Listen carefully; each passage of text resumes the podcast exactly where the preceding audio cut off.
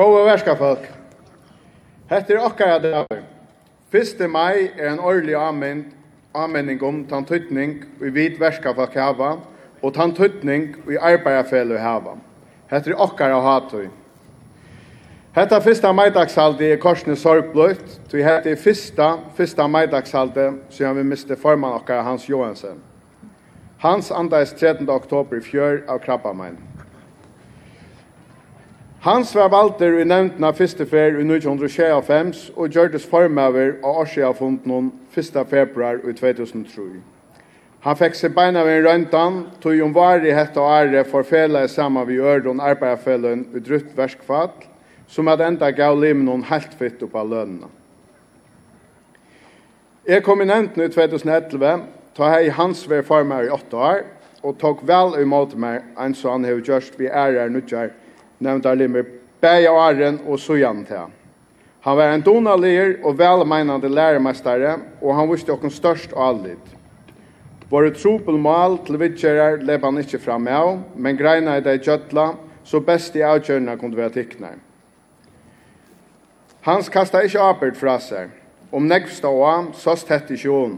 Tvørst imot, her opplevde vi menkan strutsmannen Hans Johansen. Det var i den troblaste støvnen, at vi så i hans her verdelige sjele og dikter. Helter stod han som drenker i brimen.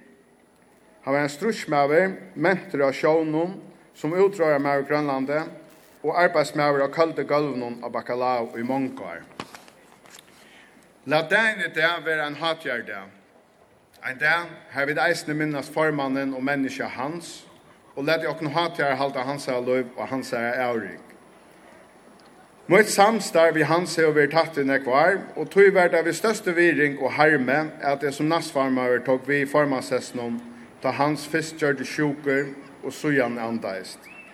Særlig at vi vite at han atleie letja fra seg til hesa setan, og letra enkle krefter komme til, og sleppa å njåta sitt åtium vi og kære som han gjøk så høgt oppi. Jeg færger alt det jeg mente, for jeg verger til rettende som fela i hei vunnet seg, og for jeg å vinne okkon øtlom nødgjrettende. Ångande kunne vi som fagfelle slæka, tog nødgjert høyer hava visser nødgjert avbjørngar, som krevja at fagfelle gjør av erhalt. Da jeg sier gå verska folk, så er det sær deilig seg tid som er i kipa i arbeidsfellum. Hetta hovast til vita da kostar, og hovast til vita mal er i røtjen, og hovast at til vita at fagfellagsfriheten er til. Tid er i solen når vi stand av til alle samrengene, og vi er i serie tilvidda i omtikkum. Hvis ikke for tikkum vær ikke fundament, at la frambor for mine verskafatje, og ikke slagkraft etter i som skulle ombå tikkum. Til det kollektiva og solidariska forståelse med den verskafalt, som vi har vunnet hese retten til. Vi kunne ikke einas søkja vinning for okken sjálve personliga og ikkje taka hatt for sjumann eller kvinna. Ambisjonen må være stor nok, eisne av rom av vånen og tørvun til ørum, for tarra skild og okkur sjálv. Vi må skilja at skulle vi røkka neka for tarmullah og mye lønte, må vi standa saman, og vi må være skipa i. Her i fyrjon er vi i nekvun særstøvun, eisen tatt av kjem til fagfellagsøkje, til ratjene, vi viser seg i grannalanden okkom, tja okkom koma settene til okkara, og her var vi tøyskil møvlega for å sutja avbjøringane og røyna fyrirbyggjande. Her har vi med landa seg at det kollektiva og solidariska samahalde og de annars så sterske fagfellagsrørslene ut her mot demokratiske norranlandene vi spyrum fra middelnørum arbeiderfellene stendet for en jattegånd. Den individuella tilvidanen, hver ein raknar sina personlige spæringar, vi har tretja seg fra fagfellon, men framhaldande skal njóta av en kipan som hansara kollega gjalda, er eisne nekka avvisføringar har tidsi tilsyn. Hette er det fagfellagstyr. Ongen nøytist a spyrja om det tørver åkom, og ongen gjerda, vi ætla førin ikkje bænt nu. Hetta søkja vit i samband við inflationna, som hevur vissar stórar reallønarlækkingar. Vi søkja hetta i samband við ta viffer som utlendsk arbeidsfólk hava finnja frá avvísin arbeiðsgjevarin seinastu tøyna. Vi søkja at í mismunum millum balkar á arbeiðsmarknaðinum hvar summi hava rætt til fleiri tøymar enn onnur. Hvar folk arbeiða li um li, við imsun rættindum frá persónu til persónu. Hvar til dømes annar er fastlandir med hinner tøymalønter, og her at her enda arbeidsløs og i aravus.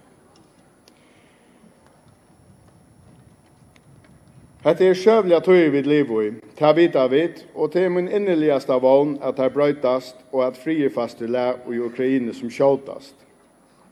Men vi vet ikke om hette ikke kanskje eisne er sjøvliga tøyer fri arbeidsfellen og sjøvliga tøyer i fyrjum.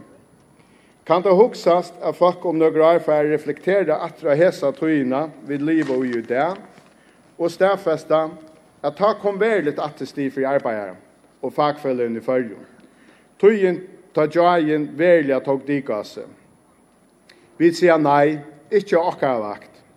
Orsøk er ikkje å spyrja hva vi tar fagfelle til, men helter, hvor er jeg ikkje limri enn fagfelle? Hvor skip jeg meg ikkje saman vi møynum? Hvordan dyr er min spæring for mine egne framtøy og skilt. Så her som søvliga deg, så stendet som er væri etter og anmenning om, til folk som er fattelen i strøye for vunnen retten der, skal jeg enda vi en jahetan. Du hovast okkerst er brøyt, stendet strøye er halda fast og sjåld søtt og retten de vi.